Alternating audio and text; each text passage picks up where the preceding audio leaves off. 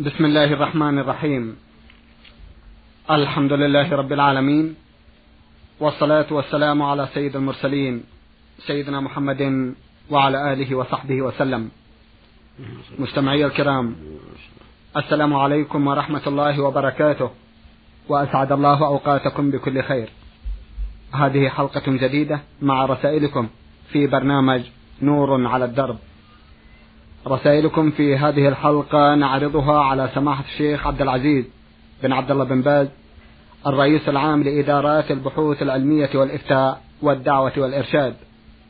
في بداية لقائنا نرحب بسماحة الشيخ ونشكر له تفضله بإجابة السادة المستمعين فأهلا وسهلا بالشيخ عبد العزيز. حياكم الله وبارك حياكم الله. شيخ عبد العزيز نعود في بداية لقائنا إلى رسالة الأخ عبد الله بن محمد بن عبد الله أخونا في حلقة مضت عرضنا بعض أسئلته وفي هذه الحلقة يسأل ويقول ورد حديث عن النبي صلى الله عليه وسلم ينهى فيه عن تقبيح الوجه وأن الله خلق آدم على صورته فما الاعتقاد السليم نحو هذا الحديث؟ بسم الله الرحمن الرحيم. الحمد لله وصلى الله وسلم على رسول الله وعلى آله وأصحابه.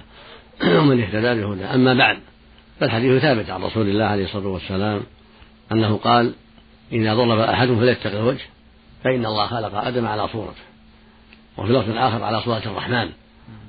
وهذا لا يلزم منه التشبيه والتمثيل فالمعنى عند أهل العلم أن الله خلق آدم سميعا بصيرا متكلما إذا شاء وهذا هو وصف الله عز وجل فإنه سميع بصير متكلم ذو وجه جل وعلا وليس المعنى التشبيه والتمثيل بل الصورة التي لله غير الصورة التي للمخلوق وإنما المعنى أنه سميع بصير ذو وجه ومتكلم إذا شاء. وهكذا خلق الله آدم سميعا بصيرا ذا وجه وذا يد ولا قدم ويتكلم إذا شاء. لكن ليس السميع كالسميع وليس البصير كالبصير وليس المتكلم كالمتكلم وليس الوجه كالوجه. بل لله صفاته سبحانه وتعالى. لا يليق لا يشابه فيها شيء بل تليق به سبحانه. وللعبد صفاته التي تليق به. صفات يعتريها الفناء والنقص والضعف أما صفات الله سبحانه فهي كاملة لا يعتريها نقص ولا ضعف ولا فناء ولا زوال. ولهذا قال عز وجل ليس كمثله شيء وهو السميع البصير. ولم يكن له كفوا أحد. فلا يجوز ضرب الوجه ولا تقبيح الوجه. نعم. بارك الله فيكم. أيضا نعود في هذه الحلقة إلى رسالة الأخت نوارة سالم من ليبيا. أختنا في هذه الحلقة لها سؤالان. تقول في سؤالها الأول ما حكم ذبيحة تارك الصلاة؟ سواء كان جاحدا لوجوبها أو متكاسلا. وأيضا إذا علم أنه سمي عليها أو لم يعلم. تارك الصلاة له حالان كما ذكرت السائلة. أيوة. إن كان قد جحد وجوبها فهذا كافر بالإجماع بإجماع أهل العلم لأنه مكذب لله ومكذب لرسوله عليه الصلاة والسلام. فقد دل كتاب الله عز وجل في مواضع كثيرة على وجوب الصلاة ودلت السنة عن رسول الله عليه الصلاة والسلام على وجوب الصلاة وأنها أحد أركان الإسلام الخمسة بل هي الركن الأعظم للإسلام بعد الشهادتين.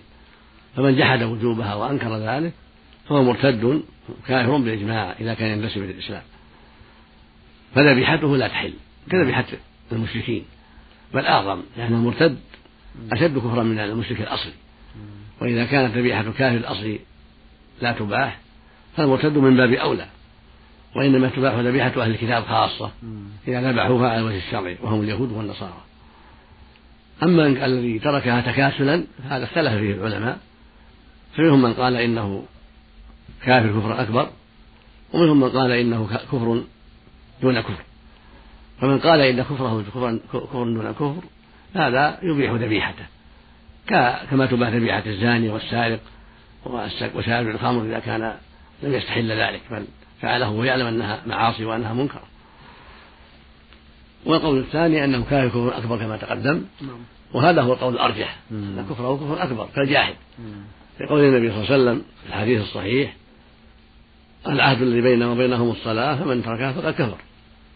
خرجه الإمام أحمد وأهل السنن بإسناد صحيح عن بريدة رضي الله عنه. ولما رواه مسلم في الصحيح عن جابر بن عبد الله الأنصاري رضي الله تعالى عنهما أن النبي صلى الله عليه وسلم قال بين الرجل وبين الكفر والشرك ترك الصلاة. مع أحاديث أخرى في ذلك. وعلى هذا لا تباح ذبيحته أيضا لأنه كافر وثني من جنس وثني بل أغلظ لأنه مرتد نسأل الله العافية. نعم. بارك الله فيك. أحيانا تحدث وفاة شخص إما متعمدا للانتحار. أو شخص سكير شرب مسكرا يحتوي على كمية كبيرة من السكر أو المسكرات المؤدية للوفاة أو شخص اعتدي عليه بالقتل للخلاص من شره. فهل يجوز مواساة والدة المتوفى بسبب من هذه الأسباب أو من يمت إليه بصلة حيث أنني أتردد كثيرا؟ هل أذهب أم لا؟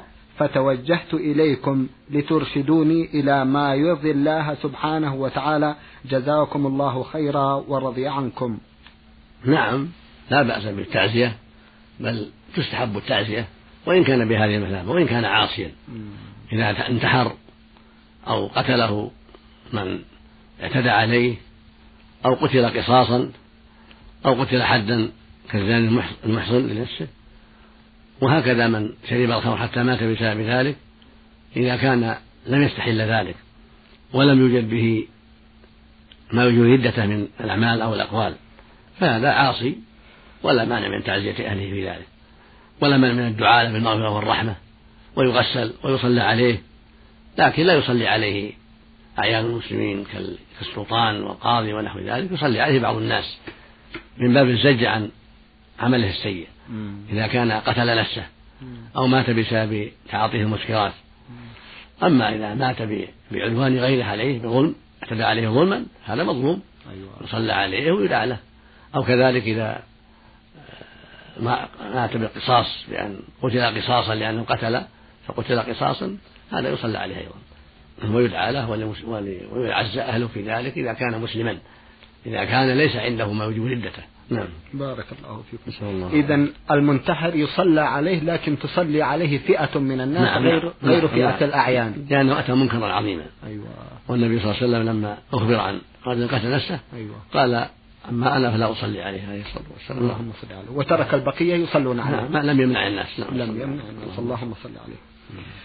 رسالة بتوقيع أحد الإخوة يقول من شاب صالح أخونا يقول في فترة الشباب المبكر من العمر ارتكبت بعض المعاصي وقد تبت إلى الله ولله الحمد وله الشكر لكن لا زال في نفسي شيء وسمعت عن صلاة التوبة أرجو أن تفيدوني نحو هذا جزاكم الله خيرا. التوبة تجب ما قبلها وتمحو ما قبلها والحمد لله. فلا ينبغي يكون في قلبك شيء من ذلك. بل الواجب أن تحسن ظنك بربك وأن تعتقد أن الله جل وعلا تاب عليك إذا كنت صادقا في توبتك. لأن الله يقول سبحانه وتوبوا إلى الله جميعا أيها المؤمنون لعلكم تفلحون.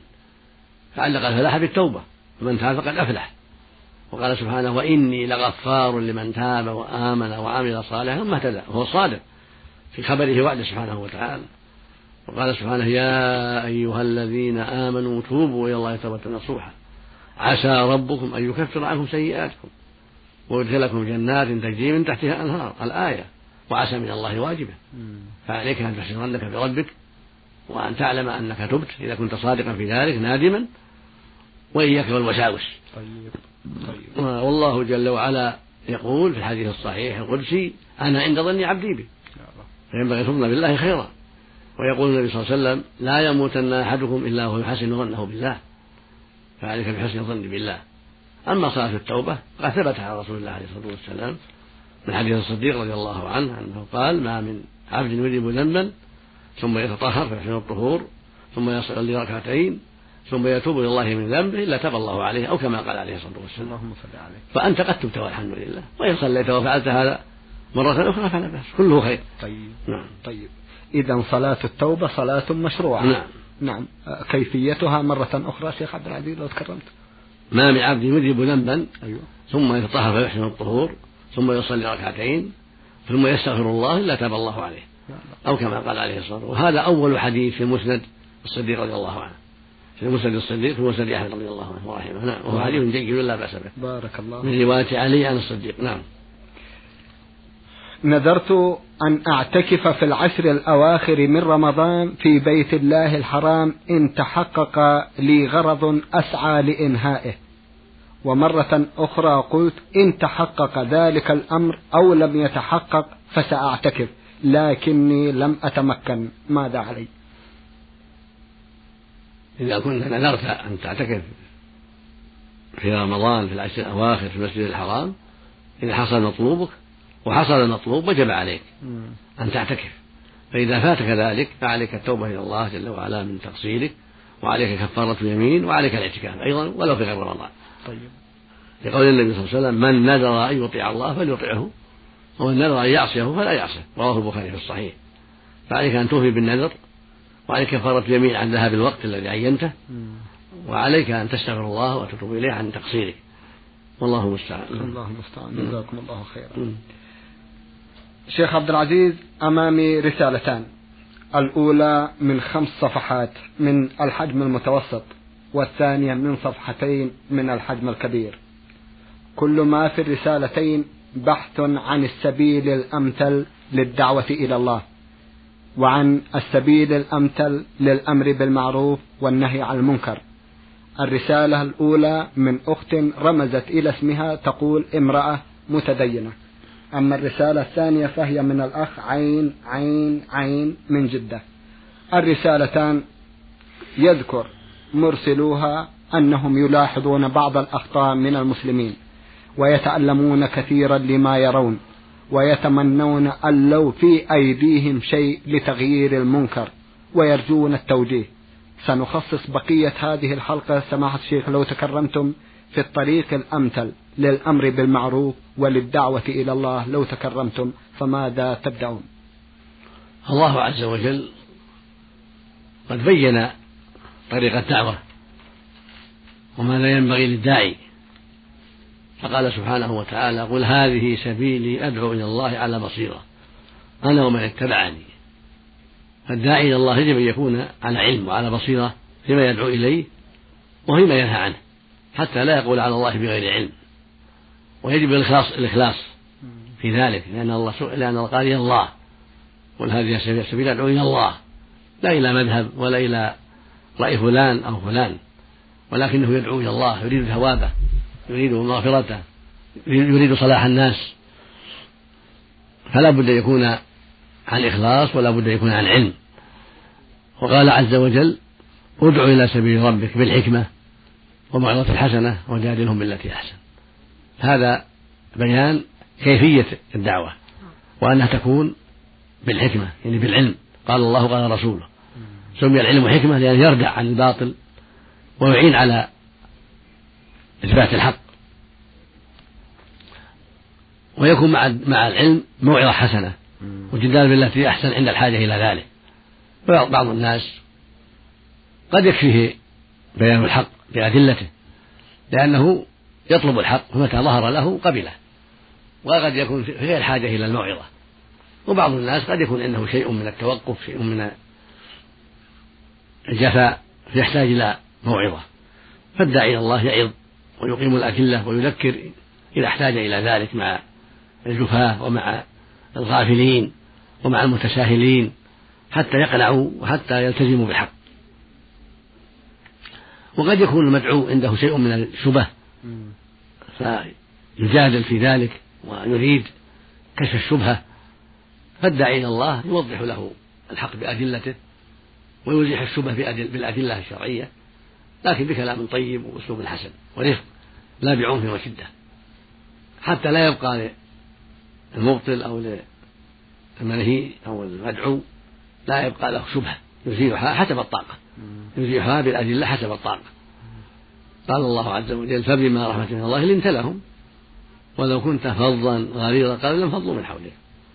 وقال الله لما بعث موسى وهارون فرعون فقولا له قولا لينا لعله يتذكر أو يخشى طيب. ويقول صلى الله عليه وسلم إن الرفق لا يكون بشيء إلا زانه ولا ينزع من شيء إلا شانه نعم. ويقول صلى الله عليه وسلم من يحرم الرفق يحرم الخير كله.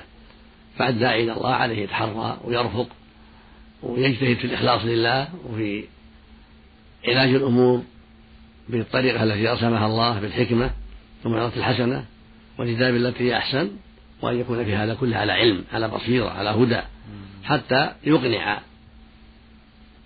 الطالب بالحق وحتى يزيل الشبهة لمن عنده شبهة وحتى يلين القلوب لمن عنده جفاء أو قسوة أو إعراض يلين القلوب بالدعوة إلى الله والموعظة الحسنة والتوجيه إلى الخير وبيان ما له عند الله من الخير إذا قبل الحق وما عليه من الخطر إذا رد الحق إلى غير هذا من وجوه الموعظة بارك الله فيكم. وأما أصحاب الحسبة الذين يأمرون بالمعروف وينهون عن المنكر فكذلك يلزم الآداب الشرعية فيما يلتزمه الداعي إلى الله فعليهم بالرفق وعدم العنف إلا إذا دعت الحاجة إلى هذا من الظلمة والمكابرين والمعاندين.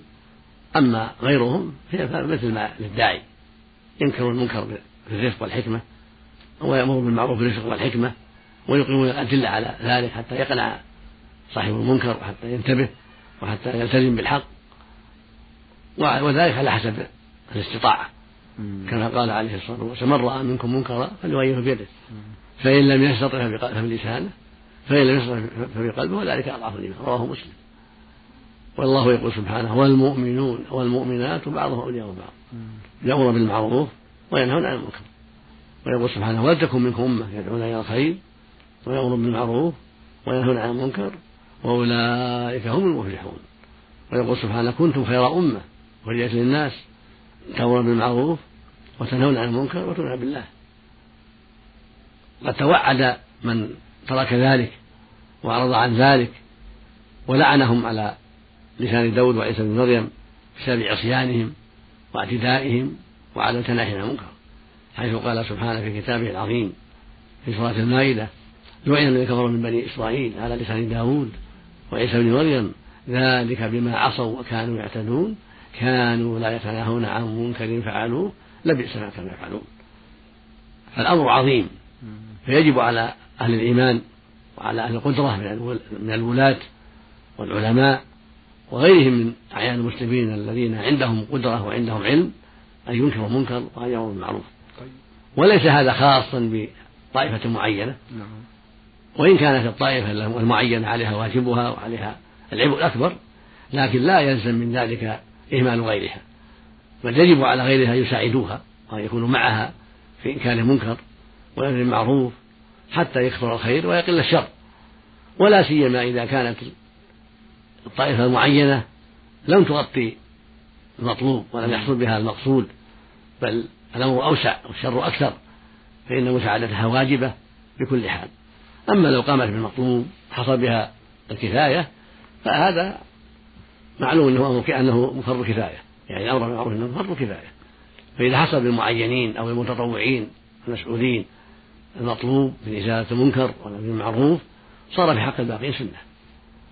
أما منكر ليس له من يزيله إلا أنت لأنك الموجود في القرية أو في القبيلة أو في الحي ليس فيها من يأمر المنكر سواك فإن من يأمر المعروف سواك فإنه يتعين عليك إنكار المنكر ولو المعروف ما دمت أنت الذي علمته وأنت الذي تستطيع إنكاره فإنه يلزمك. فمتى وجد معك غيرك صار فرض كفاية. من قام به منكما أو منكم حصل به المقصود. فإن تركتم جميعا أثمتم جميعا. فالحاصل أنه فرض على الجميع فرض كفاية. متى قام به من المجتمع أو من القبيلة أو من القرية أو المدينة من يكفي سقط عن الباقين وهكذا الدعوة إلى الله. ومتى ترك الجميع أثموا. وصار المنكر ليس عاما لهم لأنهم قصروا في الواجب ولم يقوموا به. ومتى قام به من يكفي دعوة وتوجيها وإنكارا للمنكر؟ صار في حق الباقين سنة عظيمة لأن المشاركة في الخير مطلوبة. نعم. نعم, نعم. أه سماحة الشيخ تركزون على العلم نعم. بطريق الدعوة إلى الله وبطريق الأمر بالمعروف والنهي عن المنكر. لعل سماحة الشيخ يحدد العلم الذي ينبغي أن يتعلمه من يريد الدعوة إلى الله على بصيرة ويريد الأمر بالمعروف والنهي عن المنكر على الطريقة الشرعية. لا بد من العلم. لا بد من العلم. والعلم قال الله قال الرسول. أيوة. العلم أن يعتني بالقرآن الكريم وبالسنة المطهرة يعرف ما أمر الله به وما نهى الله عنه ويعرف طريقة الرسول صلى الله عليه وسلم في دعوته إلى الله وإنكاره المنكر وطريقة أصحابه رضي الله عنهم وأرضاهم. يكون متبصرا في هذا بمراجعة كتب الحديث الشريف مع العناية بالقرآن الكريم. مع مراجعة كلام العلماء في هذا الباب فقد أوسعوا الكلام رحمة الله عليهم وبينوا ما يجب. فالذي ينتصب لهذا الأمر يجب عليه أن يعنى بهذا الأمر حتى يكون في ذلك على بصيرة من كتاب الله ومن سنة رسوله عليه الصلاة والسلام حتى يضع الأمور في مواضعها. فيضع الدعوة إلى الخير في موضعها والنهي عن المنكر في موضعها وهكذا إنكار المنكر أو المعروف يكون في موضعه على بصيرة على علم. نعم. حتى لا يقع منه إنكار المنكر بما هو أنكر منه وحتى لا يقع منه الأمر بالمعروف على وجه يوجد منكرا أكثر من هذا الأمر الذي دعا إليه المقصود أنه لا بد من علم حتى يضع الأمور في مواضعها أيوة. وحتى إذا أنكر منكر نفع ذلك ولم يترتب عليه ما هو أنكر أيوة. وحتى إذا دعا إلى المعروف يرجى أن يحصل المعروف أو على الأقل لا يترتب عليه منكر يكون أكبر من وأعظم وأشر من ترك هذا المعروف. نعم. بارك الله فيكم. أختنا صاحبة الرسالة التي رمزت إلى اسمها بالمستمعة المؤمنة المتدينة تقول إذا رأت من أقاربها أحدا يرتكب بعض المنكرات كيف يكون موقفها؟ عليها أن تنكر منكر بالأسلوب الحسن أيوة. وكلام الطيب والرفق والعطف على صاحب المنكر لأنه قد يكون جاهلا قد يكون شرس الأخلاق عند الإنكار عليه بشدة يزداد شره فعليها أن تنكر المنكر على أختها في الله وعلى أخيها في الله لكن بالأسلوب الحسن والكلام الطيب وذكر الدليل قال الله قال رسوله مع الدعاء في التوفيق والهداية. هكذا يكون عنده يكون عندها وعند الرجل من الحكمة والبصيرة والتحمل ما يجعل الذي ينكر عليه يتقبل. ما ينفر ولا يعاند نعم. يعني يجتهد الداعي ويجتهد المنكر يجتهد في استعمال الألفاظ التي يرجى من ورائها قبول الحق نعم.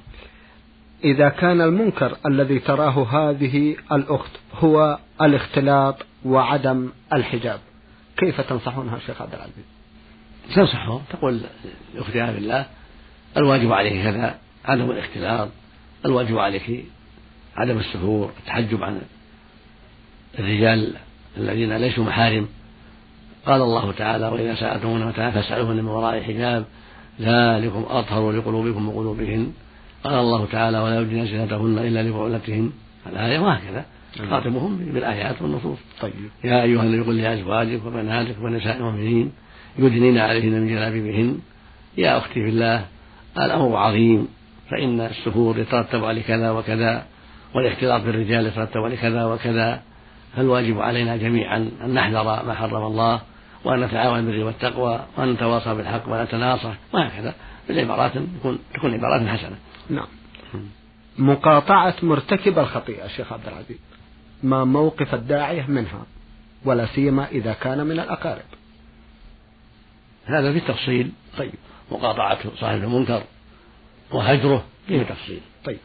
يشرع هجره. ومقاطعته إذا أعلن المنكر وأصر ولم ينفع فيه النصح. شرع لغريبه أو جاره أو غيرهم هجره وعدم إجابة دعوته وعدم السلام عليه حتى يتوب إلى الله من هذا المنكر. هكذا فعل النبي والصحابة لما تخلف كعب بن مالك الأنصاري وصاحباه عن غزوة تبوك بغير عذر شرعي أمر النبي صلى الله عليه وسلم بأن لا يكلموا. ويهجروا فهجروا جميعا وتركوا جميعا لا يسلم عليهم ولا يدعون لوليمة ولا يرد عليهم السلام إذا سلموا. حتى تابوا فتاب الله عليهم. أما إن كان هجر الشخص قد يترتب عليه ما هو أنكر لأنه ذو شأن في الدولة أيوة. أو ذو شأن في قبيلة يترك هجره ويعامل بالتي هي أحسن ويوفق به حتى لا يترتب على هجره ما هو أشر من فعله وما هو أقبح من عمله. والدليل على هذا أنه صلى الله عليه وسلم لم يعامل عبد الله بن أبي بن سلول رأس المنافقين لم يعامله مثل ما عامل الثلاثة. بل تلطف به ولم يهجره ولم يزل يرفق به لأنه رئيس قومه ويخشى من قتله أو سجنه أو هجره فتنة لجماعة في المدينة. فلهذا كان النبي صلى الله عليه وسلم يرفق به. حتى مات على نفاقه نسأل الله العافية. وهنا وهنا مواضع أخرى جرت له صلى الله عليه وسلم مع بعض الناس لم يهجرهم بل رفق بهم عليه الصلاة والسلام حتى هداهم الله. نعم. إذا الرفق آه، هو ما يدعو إليه الشيخ عبد العزيز. نعم. بارك الله فيكم. يهجر إذا كان الهجر أصلح. أيوة. ويترك الهجر إذا كان الترك أصلح مع إنكار المنكر ومع مع إظهار كراهة المنكر وأن صاحبه ليس صديقا. ولا صاحبا ولكن من أجل كذا وكذا ترك الهجر ولكن بالكلام الطيب والحكمة والإنكار السري والوصية عليه من خواصه لعله يستجيب. إلى غير هذا من وجوه النصيحة ووجوه الإنكار الرافع.